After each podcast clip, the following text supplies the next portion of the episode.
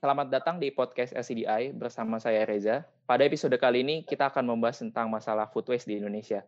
Episode ini merupakan lanjutan dari uh, podcast sebelumnya, yaitu podcast yang membahas tentang food loss. Dan untuk membahas food waste kali ini kita sudah kedatangan uh, tamu, uh, seorang uh, sosok yang terkenal di bidang waste management, yaitu Kak Bijaksana Junior Rosano. Uh, welcome to the podcast, Kak Sano. Terima kasih, Reza. Iya, sama-sama Kak Sano, uh, makasih juga untuk uh, udah bisa menyempatkan hadir di podcastnya LCDI. Uh, bagi pendengar yang belum tahu mungkin nih Kak Sano, walaupun Kak Sano sebenarnya udah terkenal juga, uh, aku jelasin sedikit uh, bahwa Kak Sano ini adalah founder dan juga CEO dari Waste for Change uh, Indonesia, yaitu perusahaan yang bergerak di bidang pengelolaan sampah. Selain itu, Kasano juga aktif uh, sempat uh, menjabat di sekretaris sebagai sekretaris jenderal di Asosiasi Daur Ulang Plastik Indonesia dan juga Kasano juga founder dari Generation Indonesia dan juga uh, founding member dari Gerakan Diet Kantong Plastik. Nah, bersama Kasano kali ini kita akan membahas tentang uh, bagaimana food waste sebenarnya dihasilkan kayak gitu. Uh, dan seberapa besar sebenarnya masalah food waste ini di Indonesia serta bagaimana nanti ke depannya kita uh, mengurangi masalah food waste ini. Gitu. Uh, pertama-tama nih, uh, aku ingin mendengar uh, pandangan dari Kasano terkait uh, sebenarnya seberapa besar dan seberapa penting sih masalah food waste di Indonesia gitu. Karena ini permasalahan yang kayaknya udah sejak lama ada dan sudah menjadi perbincangan apalagi uh, di masa pandemi ini uh, sempat disinggung oleh Kementerian Pertanian karena ada kaitannya dengan ketahanan pangan gitu. Nah, tapi menurut pandangan Kasano sebagai uh, praktisi dan juga mungkin aku bisa bilang ahli juga di bidang pengelolaan sampah nih, uh, pandangan Kasano terhadap masalah food waste ini berapa besar dan seberapa penting sebenarnya? Itu mas. Oke, uh, terima kasih Mas Reza. Uh, seberapa besar permasalahan uh, sampah makanan atau food waste di Indonesia? Pertama kita perlu lihat dulu uh, masalah sampah di Indonesia. Sampah di Indonesia itu berdasarkan data dari pemerintah itu dinyatakan kita menghasilkan sampah 175 ribu ton per hari dan itu sangat sulit untuk di stop sekarang gitu ya dan seiring dengan pertumbuhan populasi penduduk itu juga akan bertambah kalau kita tidak melakukan perubahan pola konsumsi dan gaya hidup kita. Seberapa banyak sih 175 ribu ton ini? Kalau sampah Jakarta per harinya itu sekitar 7.000 Mas Reza. Dan dua hari sampah Jakarta itu kalau dikumpulin di satu titik sebesar satu Candi Borobudur. Nah, teman-teman seluruh Indonesia bisa bayangkan ya, sampah di Jakarta yang cuma 7.000 atau per dua harinya 14.000 ton, itu sebesar satu Candi Borobudur. Kalau hmm. se-Indonesia 175.000 ton, seberapa banyak tuh sampahnya? Dan dari data tersebut, komposisi sampahnya sekitar 60-an persen, ya 50 sekian sampai 60 persen, itu adalah hmm. sampah organik. ya Dari 60-an persen itu. Dan e, kalau kita breakdown, 45 persen dari total sampah itu sekitar, eh, eh apa, komposisinya adalah sampah makanan gitu. Nah, jadi hmm. bisa dibayangkan separuh gitu, hampir separuh masalah sampah di Indonesia itu dari sampah makanan. Di sisi lain, kita ini sedang memiliki isu terkait isu stunting, ya kekurangan gizi, ada saudara-saudara kita yang bisa jadi kekurangan pakan, kekurangan makanan. Eh, kita buang-buang makanan, kita buang-buang hmm. sampah dalam bentuk uh, food waste gitu ya, uh, sebanyak setengah dari permasalahan sampah di Indonesia. Jadi antara hmm, kepentingan untuk kita bicara ketahanan pangan, tidak buang-buang sumber daya, itu penting sekali. Bicara urgensi, karena ini masalahnya kemudian menyebabkan uh, masalah terhadap lingkungan, dan yang menjadi bau ini adalah sampah makanan, menghasilkan hmm. gas metan dan lain-lain, yeah. yang itu berbahaya lebih berlipat-lipat ganda dibanding CO2, yang membuat isu sekarang ada climate change gitu ya. Jadi Betul, urgent sekali. Jadi penting dan urgent, bayangkan. Jadi prioritasnya harus menjadi prioritas yang cukup tinggi.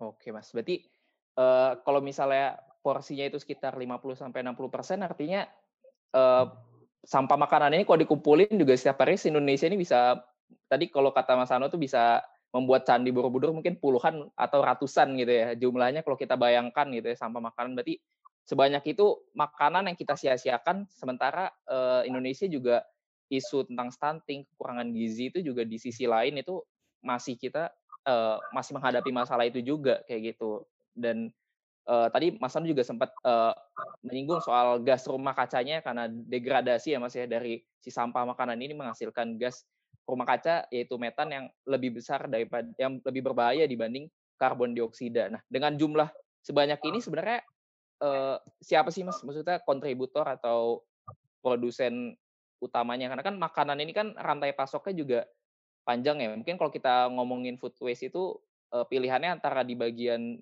uh, distribusinya mungkin di retailer atau di bagian konsumen yang mana konsumennya antara kita individu atau pebisnis gitu ya restoran atau hotel dan lain. Nah sebenarnya menurut Mas Anu nih uh, porsi terbesarnya ini dihasilkan oleh siapa gitu si sampah makanan ini? Ya uh, dari data teman-teman FAO dari data teman-teman FAO Indonesia masuk ke kategori negara di Asia Tenggara, Southeast Asia, itu food loss dan food waste. Jadi kita membagi ada dua gitu ya. Uh, katanya podcast sebelumnya udah membahas tentang food loss. Hmm, betul. Dari total sampah dalam bentuk uh, kehilangan uh, pangan dan juga kita sampah makanan itu sebenarnya masih banyak porsi di food loss. Kalau kita bicara di food waste-nya saja, itu ternyata masalahnya itu lebih banyak di distribusi dan marketing. Oh. Jadi karena kita manajemen distribusi, supply chain, eh, kemudian strategi logistiknya, itu kita masih punya banyak tantangan karena Indonesia terdiri dari pulau-pulau, infrastruktur dan lain-lain.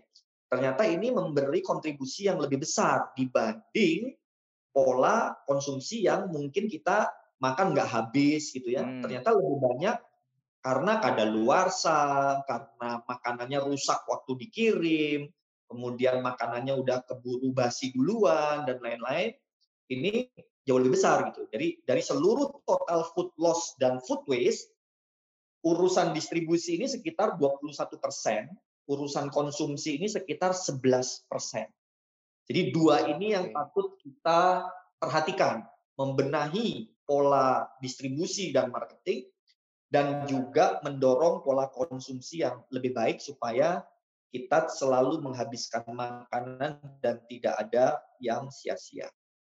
Oh, oke, berarti sebenarnya tuh uh, wacananya food waste ini kan dari dulu selalu menyasarnya ke konsumen ya mas ya, kayak kita sebagai konsumen harus bertanggung jawab atas makanannya, kita harus nggak boleh menyisakan makanan. Tapi secara data sebenarnya uh, yang di, yang dihasilkan oleh individu kita sebagai individu konsumen ini lebih kecil ya dibanding yang dihasilkan oleh uh, retailer uh, retailer besar dan perusahaan-perusahaan besar seperti itu ya Mas ya berarti. Ya, berdasarkan data memang dua kali lipat dari proses hmm. distribusi dan logistik dan pemasaran ini itu dua kali lipat jumlahnya dibanding sampah makanan dari uh, pola konsumsi atau sisa makanan yang tidak habis kita makan. Itu berdasarkan hmm. data. Oke, Mas. Nah, Terus uh, dengan uh, tadi 11% oleh konsumen dan yang uh, oleh distribusinya ini dua kali lipat nih, ini kira-kira faktor apa yang bisa uh, mempengaruhi besaran itu? Apakah kan setiap di rantai pasok melalui mulai dari distribusi kemudian uh, dikonsumsi itu kan uh, proses menghasilkannya tadi udah sempat disinggung kan berbeda juga ya. Kalau mungkin kalau di konsumen itu kita menyisakan, tapi kalau di retailer itu mungkin yang kayak kadaluarsa kayak gitu. Nah itu kira-kira uh, selama ini apa yang menyebabkan uh, jumlahnya besar di uh, distribusi uh, di konsumen juga ada 11%. Nah, itu angka itu kira mempengaruhi apa saja, Mas? Uh, faktornya gitu. Ya, ada lima hal di, di area distribusi dan pemasaran ada lima hal, Mas Reza. Yang pertama adalah terkait kondisi penyimpanan. Bagaimana strategi kita menyimpanan pasokan pakan ini dengan baik. Karena biasanya kita itu uh, secara penyediaan teknologi masih lebih minim dibanding negara-negara maju gitu ya. Uh, freezer freezernya nggak banyak jadi kita tidak punya uh, freezer dalam jumlah yang mencukupi sehingga kondisi penyimpanannya itu membuat uh, makanan ini jadi lebih mudah uh, basi dan lebih cepat kemudian mereka uh, terkontaminasi gitu ya. Yang kedua itu karena kualitas kemasan. Jadi bagaimana teknologi dan teknik mengemas makanan-makanan ini pada saat jalur distribusi gitu. Jadi semakin uh, kita memiliki teknik mengemas makanan ini secara higienis dan tahan lama, maka usia makanan atau usia makanan ini bisa lebih panjang usianya dan potensi menjadi sampahnya lebih kecil. Hmm. Ketiga, karena kontaminasi transportasi. Jadi bisa jadi SOP-nya perlu dibenahi sehingga pada saat ada pengiriman, mekanisme pengiriman ini tidak mengkontaminasi dari bahan-bahan uh, makanan itu sendiri. Yang keempat adalah terkait bicara tentang uh, fasilitas transportasinya dan juga uh, kondisi marketnya atau pasarnya gitu ya. Jadi kalau misalkan teman-teman kita lihat ya, kondisi pasar tradisional di Indonesia itu justru sangat rentan sekali untuk buang-buang sampah makanan karena kita proses mendisplay, menyajikan makanan hmm. dan segala macam itu sangat rentan terkontaminasi gitu. Jadi ini juga sesuatu yang perlu kita benahi. Yang terakhir adalah referensi konsumen. Biasanya konsumen ini suka pilih-pilih lah ya. Jadi milih Oh iya iya Mas. Ya milih yang lebih gede gitu atau milih hmm. yang bagus, bagus gitu. Ya. Sehingga iya. ukurannya kecil-kecil yang mungkin bentuknya jelek itu nggak laku karena nggak laku ya oleh penjual jadi dibuang. Nah ini lima hal yang menyebabkan sampah makanan di jalur distribusi dan pemasaran. Hmm. Oke mas. Kalau misalnya di tingkat uh, konsumsi itu mas, uh, baik itu konsumsi oleh bisnis seperti restoran, hotel atau mungkin konsumsi di tingkat individu atau rumah tangga itu kira-kira ada faktor apa yang mempengaruhi besar atau kecilnya sampah makanan yang dihasilkan itu mas?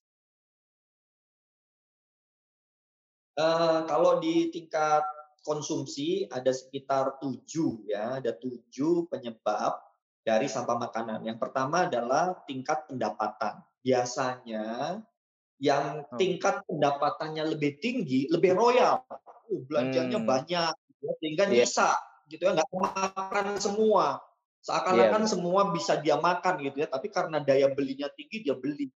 Kemudian demografi masyarakat desa kota itu beda pola konsumsinya beda dan ini sangat terpengaruhi oleh demografi masyarakatnya juga. Ketiga terkait jumlah dan komposisi rumah tangga gitu ya. Misalkan wilayah seperti eh, eh, kota-kota kota-kota yang penuh dengan masyarakat pendatang karena dia betul-betul eh, misalkan banyak kampus di sana dan lain-lain.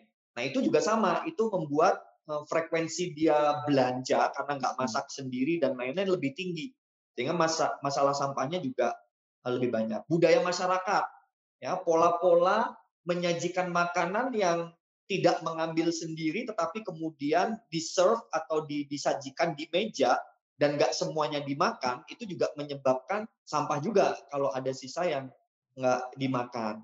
Kemudian pada saat proses memasak, menyimpan, karena masyarakat juga punya teknik menyimpan gitu ya, punya kulkas, nggak punya kulkas, kemudian pada saat proses masak dan lain-lain, gitu. Apakah masaknya berlebihan? Nah ini juga sesuatu yang eh, membuat ada sisa makanan. Kemudian dari industri yang misalkan restoran, dapur, ini kan sisa makanan juga gitu ya. Industri hospitality, bisnis makanan, ini juga membuat adanya sisa makanan. Misalkan ada bisnis uh, all you can eat, waduh itu hmm. all you can eat itu membuat lagi ngetren juga ya mas ya.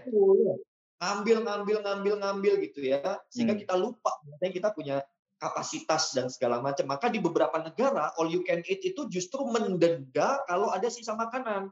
Jadi hmm. apa yang hmm. diambil harus dihabiskan. Itu bagian dari intervensi kebijakan dan policy. Terakhir nomor tujuh terkait ekosistem tata kelola persampahan. Jadi kalau misalkan walaupun menghasilkan sampah makanan tetapi ada mekanisme manajemen persampahan yang membuat sampah makanan ini dikelola dengan baik, dimanfaatkan dengan baik menjadi pupuk dan lain-lain dan tidak menjadi sampah ke TPA dan ke lingkungan, itu juga mempengaruhi sebenarnya. Jadi ada tujuh hal. Hmm.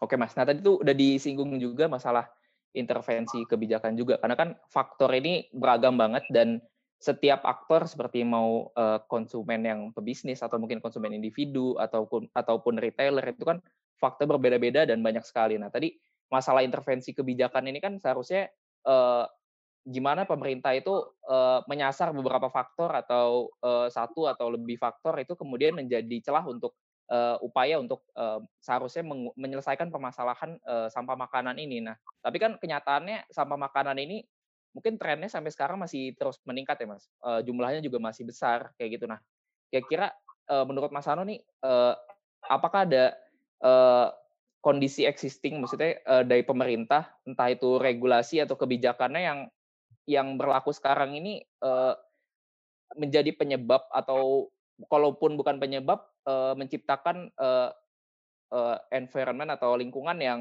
uh, mendukung uh, timbulan sampah makanan ini tetap besar gitu mas? Ya, uh, menurutku sebenarnya kita sudah punya beberapa peraturan dan regulasi yang bisa menekan dan mendorong penurunan sampah makanan maupun uh, kehilangan pangan ya food loss dan food waste. Salah satunya adalah undang-undang uh, tentang persampahan. Hmm. Jadi sebenarnya undang-undang kita itu punya hmm, kalau ini yang hilang dalam sistem itu adalah law enforcement-nya. Kita tidak okay. kemudian membangun strategi dan juga uh, sebuah manajemen implementasi law enforcement. Kita okay. udah punya undang-undang persampahan, kita punya peraturan pemerintah dan lain-lain gitu ya. Sehingga sebenarnya kalau ini diterapkan itu mendorong dan mempengaruhi pola konsumsi masyarakat dan pola manajemen persampahannya. Contoh nih Mas ya, bahwasanya kalau kita tidak boleh buang sampah sembarangan dan juga tidak boleh membakar sampah dan kita TPA wajib ditutup yang open dumping karena open dumping itu murah, murah meriah gitu. Sehingga kita cuma numpuk gitu aja. Jadi tidak ada konsekuensi berarti bagi penghasil sampah. Jadi kalau aku menghasilkan sampah banyak versus aku menghasilkan sampah sedikit, sama saja nggak begitu iya. ada konsekuensinya gitu loh. Iya, nah, kalau TPA betul-betul ditutup yang open dumping dan harus sanitary landfill, maka butuh biaya, butuh kos untuk mengelola sampah tersebut. Itu dari sudut pandang pengelola TPA atau pemerintahnya. Dari sudut pandang masyarakat, karena nggak boleh buang sampah, nggak boleh bakar sampah sembarangan, maka kalau dia menghasilkan sampah banyak, pasti butuh pihak ketiga, baik itu pemerintah ataupun swasta untuk mengangkut sampahnya. Dan pasti nggak gratis, karena ada law yeah. enforcement yang tidak memperbolehkan semua pihak buang sampah sembarangan. Nah, secara otomatis kalau hukum atau undang-undang dan peraturan pemerintah yang ditegakkan, itu akan membangun ekosistem manajemen sumber daya atau material dan manajemen persampahan. Bayangkan gini aja, Mas. Di Korea Selatan misalkan atau di Taiwan itu jelas bahwasannya sampai ada kebijakan sampah organik dilarang masuk ke TPA. Yang kedua, hmm. sampah itu kita bayar iuran atau bayar pajak atau bayar retribusi tergantung jumlah sampah yang dihasilkan. Okay. Nah, di Indonesia regulasinya itu mau saya menghasilkan, sampah sedikit di hanya flat sama persis gitu loh. Hmm. Karena kita hanya berbasis ekonomi yaitu seberapa luas rumah kita, bukan seberapa banyak sampah yang kita hasilkan. Nah, jadi kalau ditanya polisi apa yang membuat Eh, masalah ini terjadi lebih kepada karena tidak ada law enforcement. Yang kedua pasti kita masih bisa menganalisa dan kemudian menyusun opsi-opsi kebijakan yang lebih agresif supaya sampah makanan ini bisa ditekan dan dihindari. Contoh misalkan, restoran itu mereka punya kebijakan saking khawatirnya sisa makanan ataupun kafe-kafe, apalagi yang eh, kafe-kafe kelas atas yang sangat peduli akan brand. Hmm. Mereka itu kalau ada sisa makanan itu tidak mau dibagikan karena takut kalau dimakan pihak lain dibagi-bagi gratis, meracuni, itu reputasi mereka yang kena gitu. Nah, kalau Brand-nya, kita membangun dan mengetahui sistem ini dan diam saja, ya jadi sampah. Tapi kalau kita membantu manajemen sisa-sisa makanan di restoran, kafe, dan lain-lain diatur dan dikelola dengan baik, sehingga melindungi kekhawatiran pemilik restoran, pemilik kafe, dan bisa menyalurkan sisa makanan ini secara baik, bertanggung jawab kepada yang membutuhkan, wah, yang yang butuh makanan bisa dapat, dan bisa mengurangi sisa makanan. Jadi opsi-opsi polisinya masih ada banyak yang bisa kita lakukan. Di sisi lain, policy yang sudah ada wajib ditegakkan. Oke Mas, berarti ini kita udah menyinggung ke bagian dari uh, upaya untuk mereduksi uh, sampah makanan ini. Nah, tampaknya juga masih banyak yang bakal diomongin di masalah uh, bagaimana kita mereduksi sampah makanan ini. Kalau tadi kita masih sebenarnya fokusnya masih masih membicarakan sebenarnya masalah sampah ini uh, kenapa bisa terjadi, siapa yang paling besar bertanggung jawab dan uh, lingkungan atau maksudnya uh, apa mungkin ada peran pemerintah dalam uh, mengakibatkan permasalahan ini. Nah, selanjutnya kita bakal lanjut di uh, part selanjutnya. Kita akan membahas lebih ke bagaimana mereduksi uh, upaya lebih detail lagi tentang bagaimana mereduksi sampah makanan ini di Indonesia. Oke, uh, terima kasih buat Mas Ano. Uh, kita akan lanjut lagi di part selanjutnya. Siap.